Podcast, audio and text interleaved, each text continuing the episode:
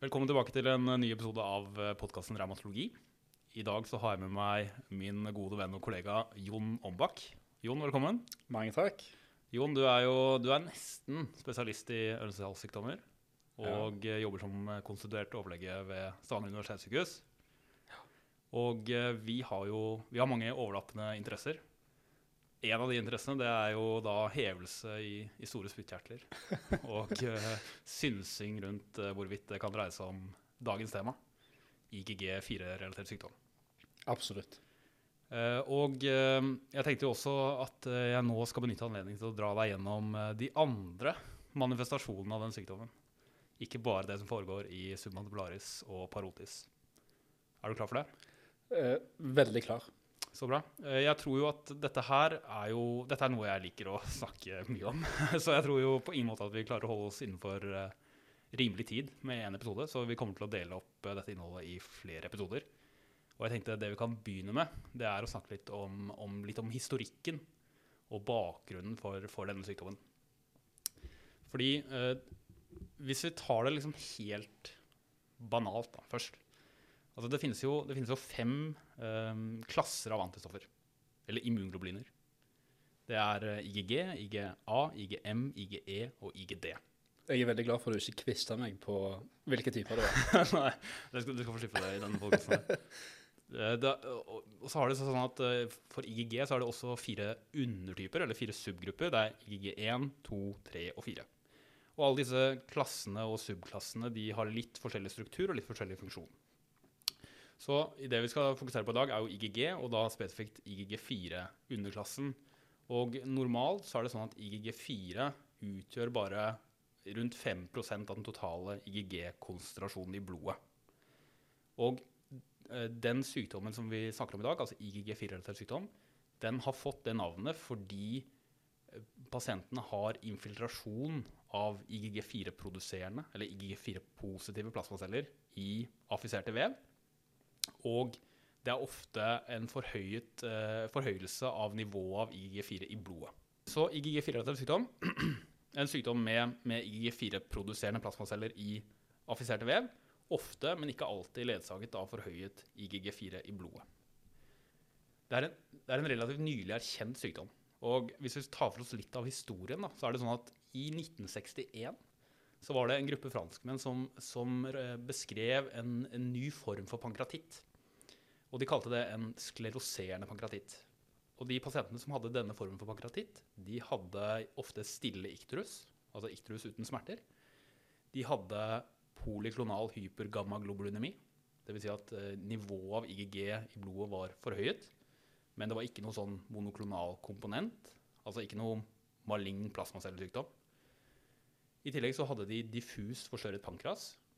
Og i pankrasvevet så var det infiltrasjon av lymfocytter og plasmaceller. Og det var fibrose. Og så ble det etter hvert klart at de pasientene med denne pankrassykdommen de responderte veldig godt på behandling med, med prednisolon, eh, i motsetning til andre former for kronisk pankratitt. Og eh, denne lymfocyttinfiltrasjonen hypergammaglobulinien og prednisolonresponsen gjorde at man tenkte at det måtte være et eller annet autoimmunt som lå til grunnen her. Og, og på bakgrunn av det så fikk den tilstanden navnet autoimmun pankratitt i 1995. I 2001, altså 40 år etter den opprinnelige beskrivelsen, så oppdaget uh, en gruppe japanske forskere at årsaken til at disse pasientene hadde hypergammaglobulinemi, var i stor grad pga. en veldig kraftig forhøyelse av IGG4 i blodet. Så IGG-konsentrasjonen var forhøyet, og det var i stor grad drevet av et veldig forhøyet IGG4-nivå. Og de eh, japanske forskerne tenkte jo da at IGG4-molekylet måtte ha et eller annet med, med, sykdomsprosessen å gjøre. Og så to år etter det, i 2003, så var det en annen japansk gruppe som eh, påviste at det var infiltrasjon av IGG4-produserende plasmaceller i pankrasvevet til denne pasientgruppen. Og de samme forskerne så også samtidig at disse pasientene som hadde denne autoimmunpankratitten, veldig ofte også hadde sånne fibroinflammatoriske manifestasjoner i andre organer, sånn som tårekjertler, spyttkjertler, galleveier osv. Og, når de biopserte de andre lokalisasjonene så så de de samme histologifunnene. Så de postulerte da at dette her var ikke en isolert pankrassykdom. Det var en ikke-erkjent systemsykdom med variabel flerorganaffeksjon. Det at, uh, det at, at dette var i Japan, og det kan være at uh, jeg vet svaret på dette, for jeg har hørt deg snakke om dette her før. Men er det sånn at det er flere tilfeller av dette her i, i Asia og i Japan? Det virker å være sånn. Mm. Men, men epidemiologien her er veldig lite kartlagt. Ja. Og eh, det er flere grunner til det. da. Eh, det ene er jo at det er en nylig erkjent sykdom.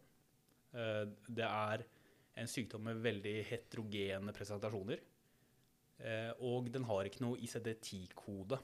Så Mm. det er vanskelig å søke opp, eh, søke opp sykdommen i registeret. Altså de vil ha ulike organspesifikke koder, avhengig av hvilken spesialist som har diagnostisert dem. Ja. Og så er det sånn at når de rapporterer insidens og prevalens, så har de gjerne sett bare på én manifestasjon, f.eks. autoimmun pankratitt. Men det gir ikke hele bildet, ikke for det kan være mange andre pasienter som ikke har autoimmun pankratitt. Og så et estimat basert på pankrasmanifestasjonen vil da underestimere den totale forekomsten. Mm. Så vi vet veldig lite egentlig om hvor vanlig det er, eh, og vi vet lite om geografiske forskjeller. Men siden dette her først ble beskrevet i Japan, så ligger japanerne litt foran oss i forskningssammenheng. Og det er liksom Japa Japan og USA særlig som, som driver forskningsfeltet, og det er der vi har mest data fra. Eh, Det virker å være noen geografiske forskjeller, kanskje både i forekomst, men også hvordan sykdommen presenterer seg. Mm. Men dette her vil være lettere å svare på om noen år, sannsynligvis. Mm. Men, men disse japanske forskerne i 2003 da, som oppdaget dette her, at pasienter med autoimmun pankreatitt hadde infiltrasjon av IG4-positive plasmaceller i pankrasvevet, og også i ekstra pankreatiske lokalisasjoner, eh, og da tenkte tenkte at dette her må være en systemsykdom. Eh, den teorien der den ble støttet da i løpet av de neste årene, fordi da så man man beskrev basically tilsvarende funn i nesten alle organer. Altså det var i hypofysen, i meningene, i eh, submandibularis parotis, tyroidea, lunger, retroperitoneum, nyrer osv. Så, videre. så det, det, alt dette støttet da den teorien om at dette her var faktisk en, en ny, eller en nylig erkjent systemsykdom. Og i 2012 så fikk denne sykdommen navnet IGG4-relatert sykdom. Og det ble da etter hvert klart at mange tilstander som frem til da var ansett å være sånne idiopatiske, helt enkeltstående entiteter, faktisk heller var ulike organmanifestasjoner av IGG4-relatert sykdom. Og det inkluderte sånn Mikulic sykdom, som Mm. er eh, affeksjon av tårekjertler, eh, parotis og submandibularis. Det er Kutners tumor, som er affeksjon av submandibularis. Det er Riedels tyroiditt og Ormons sykdom, som er retroperitonal fibrose. Så alle de fire sykdommene, som man til da regnet som enkeltstående sykdommer, var i realiteten ulike manifestasjoner av den samme nylig erkjente systemsykdommen, IGG4-relatert sykdom. Og de fire eh, tilstandene der, altså Mikulic, Kutner, Riedel og Ormon, de ble alle beskrevet på slutten av 1800-tallet, eh, som, som igjen viser at dette her er ikke noen ny sykdom. Det som er nytt, er at vi har skjønt at det er en systemsykdom som, som, eh, som rammer mange organer i, i ulik, eh, ulik grad. Med, med, med Kuttner og Mikulic eh, sykdom så, så stilles jo diagnosen basert på, eh, på, på histologi. Gjelder det eh, manifestasjonene ellers i kroppen òg? Det, det, det er sånn at det, det er ingen Det skal vi også eh, komme litt tilbake til etterpå. Men det, er ingen patognomoniske funn ved IG4-relatert sykdom. Så det det er ingen enkeltfunn som kan si med sikkerhet at det er det her det dreier seg om. Du er nødt til å liksom ta inn over deg både klinikken, serologiske funn, histologifunn og radiologifunn eventuelt. Og kombinere disse til sammen. Eh, Fordi sykdommen kan det er, det, er, visse tilstander som kan ligne utrolig mye på IG4-relatert sykdom, og som kan ha dels overlappende histologifunn også. Eh, sånn at hvis du har typiske altså F.eks. med, med, med spyttkjertlene, hvis du har typisk eh, manifestasjon der, altså med, med persisterende smertefri hevelse, biopsifunn som passer med tilstanden, eh, høy serum IG4, eh, så er du jo rimelig trygg på diagnosen. Og sånn Mm. vil det også være ved andre organer. Eh, men jeg skal snakke litt mer om det også senere. Veldig bra. mm, Så vi, kan jo egentlig gå litt inn på sånn hvordan man kan tilnærme seg den sykdommen litt sånn konseptuelt, nesten. Fordi vi, vi, kan snakke litt sånn overordnet om, om, om histologi og, og serologi og klinikk først. Eh, og jeg syns det er nyttig å, å, å tenke at IGG-4-relatet sykdom sånn konseptuelt kan sammenlignes med sarkoidose. Mm. Fordi begge de to tilstandene er immunmedierte fibroinflammatoriske systemsykdommer. Eh, det betyr at det, de, kjennetegnes av eh, inflammasjon og fibrose i affiserte organer. Og de kan ramme nesten alle organer. Og begge sykdommene kan gi veldig heterogene presentasjoner. Altså pasienter kan presentere på veldig mange forskjellige måter. Mm. Og begge sykdommene kjennetegnes av karakteristiske histologifunn i affiserte organer. Så ved sarkoidose så er jo det typiske funnet sånne ikke-nekrotiserende granulomer. Det er ved sarkoidose. Mm -hmm. Og øh, det er et funn som man ikke ser ved IGG4-sykdom. Altså Tvert imot så er det sånn at funn av granulomer taler veldig sterkt imot IGG4-sykdom. Men den, den, klassiske histologitriaden ved IGG4-sykdom det er et lymfoplasmacytært infiltrat med høy andel IGG4-positive plasmaceller i kombinasjon med noe som kalles storiform fibrose og obliterativ flebitt, som vi skal komme litt tilbake til. Men eh, jeg syns det er verdt å poengtere at ved sarkoidose og IGG4-relatert sykdom så forventer man da at disse måte, respektive histologifunnene kan gjenfinnes i alle affiserte organer. Men, men det er ikke patognomoniske funn. No. Fordi for eksempel, Listen over tilstander som kan gi ikke-nekrotiserende granulomer, er kjempelang. Det er ikke bare sarkoidose. Og på samme måte så er det mange andre sykdommer enn IGG4-relatert sykdom som kan gi infiltrasjon av IGG4-positive plasmaceller i vev. Mm -hmm. Og det er eh, Derfor så mener jeg at man kan, siden dette her ikke er spesifikke funn, så kan man ikke si at man har biopsiverifisert verken sarkoidose eller IGG4-relatert sykdom. Fordi det man eventuelt har funnet, er histologifunn som støtter diagnosen hos en pasient som har andre symptomer og funn som kan passe med det. Og jeg sier ikke det bare sånn for å være flisespikker, men det er igjen for å understreke at det er faktisk ingen enkeltfunn som er diagnostiske i isolasjon ved IGG4-sykdom. Du er nødt til å, til å, samle informasjon fra mange modaliteter, altså både klinikk, serologi, radiologi og histologi. Mm. Så hvis vi, hvis vi, går litt inn på den triaden der, da, Altså, det er jo, hvis jeg sa at det var et lymfoplasmocytært infiltrat med høy andel av IgG4-positive plasmaceller Det det betyr, det er jo lymfoplasmocytært infiltrat. Det betyr at det er infiltrasjon, altså mange eh, lymfocytter og plasmaceller. Lymfoplasmacytært infiltrat. Og man forventer at det er mange av disse plasmacellene produserer IgG4-antistoffer. Altså de er IgG4-positive plasmaceller. Og det eksakte antallet av IGG4-positive plasmaceller som man forventer å se, det avhenger litt av hvilket, biop hvilket organ biopsien er tatt fra, hva slags type biopsi du har tatt, og også eh, lesjonens kronisitet. Så man forventer at en lesjon ved IG-filater sykdom starter som å være hovedsakelig inflammatorisk, med masse plasmaceller. Og så over tid så blir det gradvis økende fibrose, og i takt med den økte fibrosen så avtar antallet plasmaceller i vevet. Ja. Så de faktorene vil påvirke hvor mange IGG4-positive plasmaceller man, man, vil se. Men man forventer at det er i hvert fall ti IGG4-positive plasmaceller i et sånn eh, høyoppløselig synsfelt eh, ved histologien. Og så, eh, av alle IGG-produserende plasmaceller, så forventer man at minst 40 av dem er IGG4-produserende. Så det vil si at ratioen IGG4 til IGG-produserende plasmaceller i vevet er over 0,4, altså 40 Er dette noe som, som patologene vet om? Ja, mm. det er det. Men det er veldig viktig at hvis du mistanker denne sykdommen, så må du presisere det i remissen. da. Fordi det, de må gjøre immunhistokjemi for IGG4 for å se dette her. Så det er, det er, veldig viktig at du poengterer det. Ja. Og da, da, vil de vite hva de skal se etter. Hvis, eh, la oss si at uh, man mistenker uh, eh, IGG4-relatert sykdom i pankreas. Ja. Vil en biopsi hvor som helst i pankreas være positiv hvis uh, personen har den sykdommen? Eller, eller, er det sånn at det, den, at det tar tid før det er eh, at han affiserer hele vevet? Ja, det er, eh, det er et veldig eh, eh, viktig spørsmål.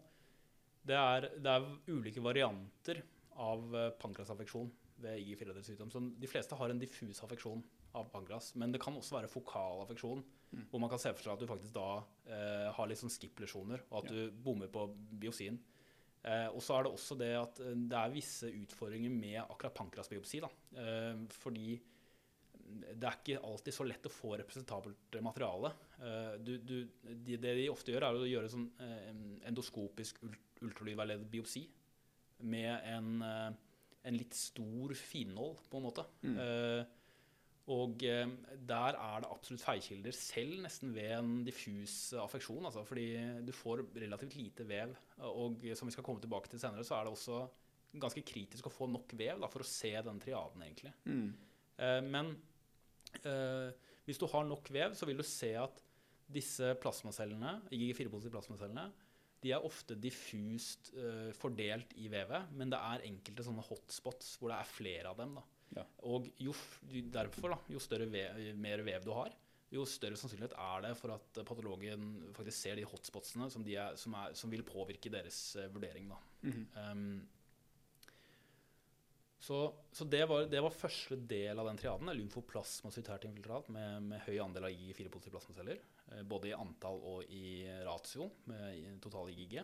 Um, den andre komponenten av triaden det er det vi kaller storiform fibrose.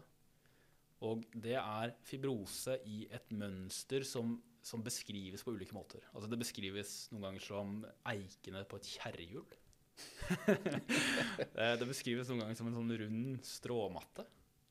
Eh, Jeg syns jo det er veldig fint med Patologene er så de er så fantasifulle i beskrivelsene sine. Ja. Men jeg, jeg har ikke så gode patologiøyne at jeg klarer å se disse eikene. Jeg klarer ikke å se stråmatten.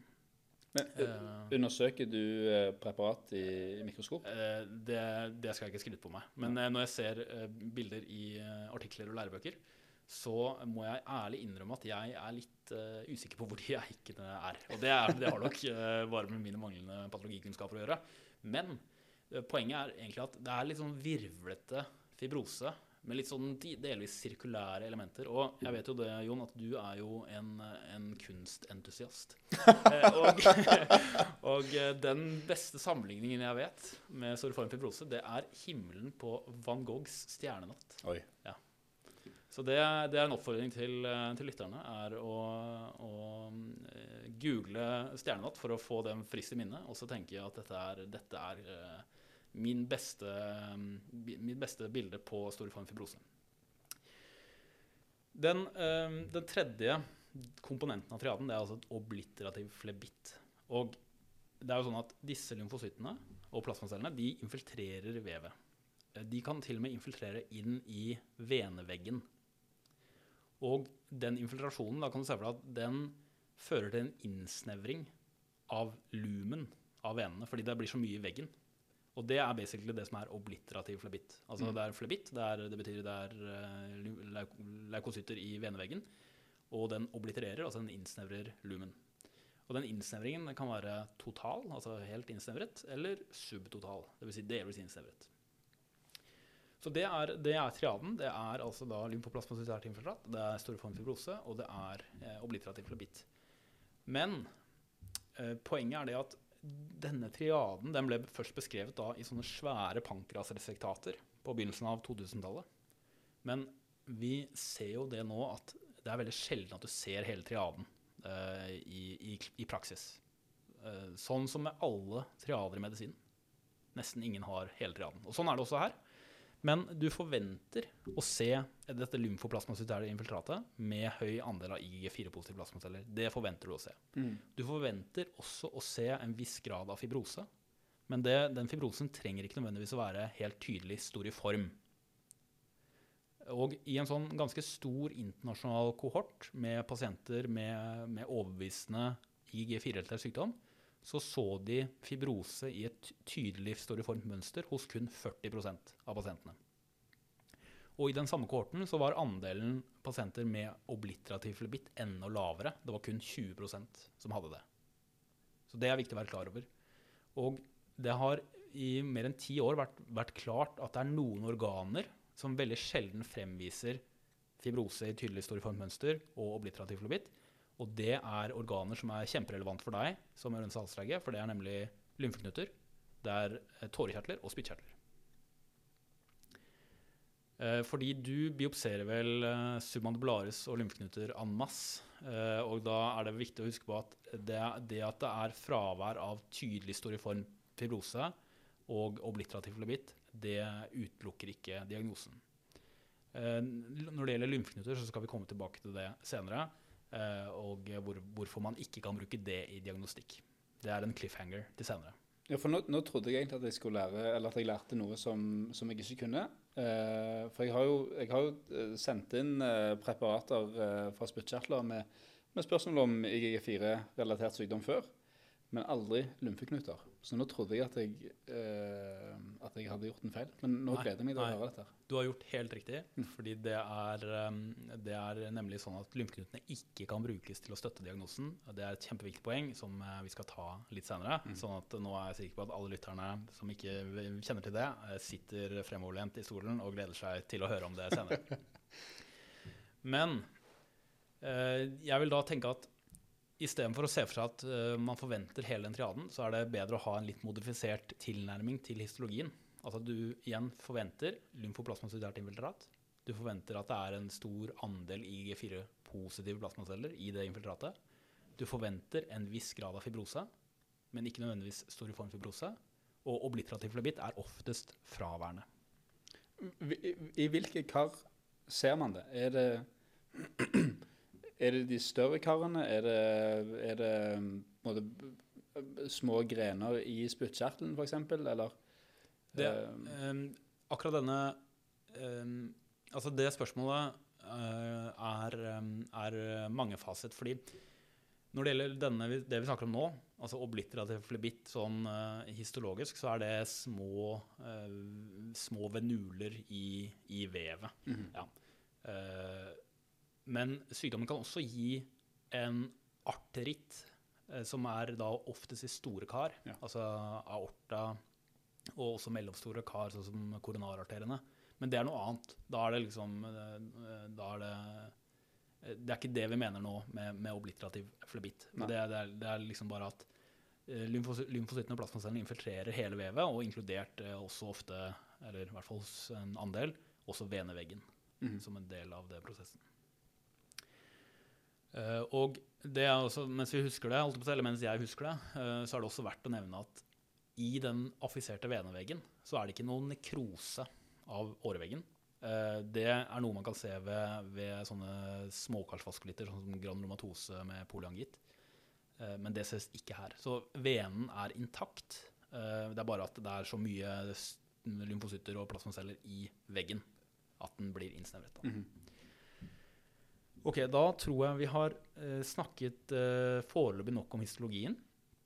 Eh, jeg vil gå videre til neste komponent av denne konseptuelle forståelsen av IG4-sykdom, som er serologien.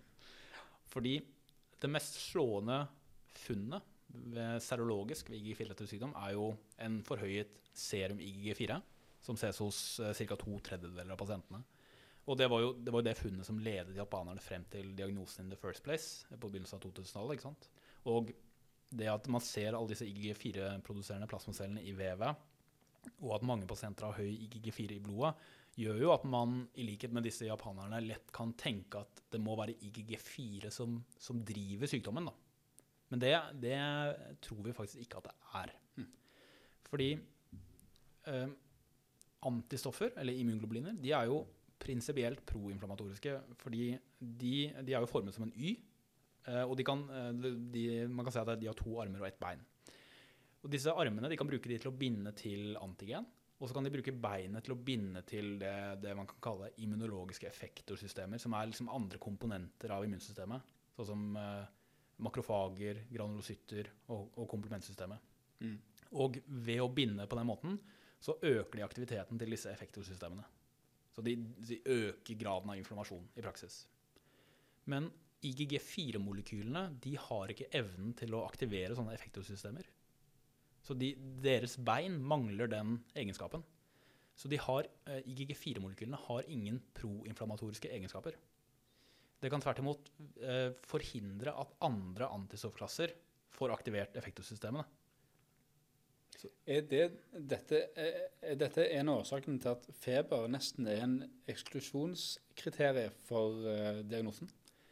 Eh, eh, det er eh, Det er i hvert fall sånn at det er ikke noe kraftig systemisk inflammasjon i denne sykdommen. Hvis det er det, så bør man tenke på andre sykdommer. Ja. Det er helt riktig. Så, så um, det, det er Det at IGG4-antistoffene ikke aktiverer disse effektorsystemene, og faktisk kan forhindre at andre antistoffer gjør det, betyr i praksis at IGG4-molekyler har en netto antiinflammatorisk virkning. Ja. Og det virker jo veldig rart at et antiinflamatorisk molekyl skal drive en inflammatorisk sykdom, eller en fibroinflammatorisk sykdom, som IGG4-relatert sykdom. Så per i dag så tror vi heller at IGG4-relatert sykdom er en T-celledrevet sykdom, og at IGG4 representerer et fors immun immunsystemets forsøk på å prøve å bremse den skadelige T-celleresponsen. Og denne, eh, denne teorien den, den har blitt utfordret av at eh, behandling med rituximab er effektiv behandling ved IG-relatert sykdom. Og rituximab det den gjør, er jo å binde til B-celler og tvinge dem til å gjennomgå apoptose. basically. Mm. Eller det, det fører til fjerning av B-celler. En B-celledeplasjon. Og eh, siden B-cellene gir opphav til plasmaceller som igjen produserer eh, antistoffer, så er det på en måte vanskelig å forklare det hvis IGG4-molekylene skulle representere en gunstig nedreguleringsmekanisme. Men dette kan sannsynligvis forklares av at celler fra B-cellelinjen også opprettholder den T-celleaktiveringen gjennom antigenpresentasjon. Og det betyr at da celler fra B-cellelinjen de prøver både å bremse sykdommen gjennom å produsere IgG4, samtidig som de opprettholder sykdommen ved, gjennom antigenpresentasjon. For når jeg i mitt enkle hode ser for meg IGG4-relatert sykdom, Ja. så er IGG4 fienden. Ja. Men egentlig så er, eh, så er den på, på vårt lag. Jeg ser for meg, Det er litt det samme som at det er brann. Du ser mange brannbiler, og du tenker at det er brannbilene som er problemet. Ja, riktig. Men uh, dette er jo en teori, da. Det er en, det er en ledende teori eh, Mm. per nå. Ting kan jo endre seg, selvfølgelig. Men det vi da tror, er jo det at ved å gi rituximab, så bryter du den antigenpresentasjonen. Og så bryter du T-celleprosessen gjennom det, Mm. men ikke det at du fjerner IGG4. Så du slukker brannen, og brannbilene forsvinner. Men det var aldri brannbilene som var problemet. Wow. Det er en god metafor. Det var en fantastisk metafor. Ja, ja men det er bra. Um, um, så dette med at IGG4 er en mer en sånn Vi kan si en, en generisk, kompensatorisk nedreguleringsmekanisme. Det kan forklare ting som hadde vært veldig vanskelig å forstå hvis IGG4 hadde vært patogene. Eh, For det første så er det sånn at en tredjedel av pasientene de har jo normal IGG4 i blodet. For det andre så er det sånn at mange pasienter de oppnår klinisk remisjon uten at man ser en normalisering av IGG4 i blodet. Og altså, nå, Idet man starter behandling eh, for, si, Hvis vi tar utgangspunkt i de to tredjedelene som har forhøyet IG4 i blodet Hvis du behandler dem, så vil du vanligvis se en raskt fall i serum IG4-konsentrasjonen, men det vil ikke alltid normaliseres. Og Grunnen til det er trolig at de pasientene har utviklet sånne langlivede plasmaceller som har eh, kommet seg inn i beinmargen. Og de sånne langlivede plasmaceller de, de elimineres ikke med rituximab eller annen immunsupprimerende behandling. Så de ligger bare der og fyrer og fortsetter å produsere IgG4.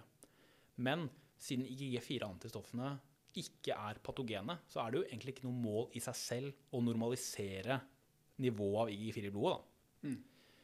Den tredje tingen som denne hypotesen kan forklare, det er det at forhøyet IgG4 i blodet også ses ved mange andre sykdommer som, som, eh, som kjennetegnes av kronisk immunaktivering, sånn som kroniske infeksjoner, malignitet eller andre revmatologiske sykdommer.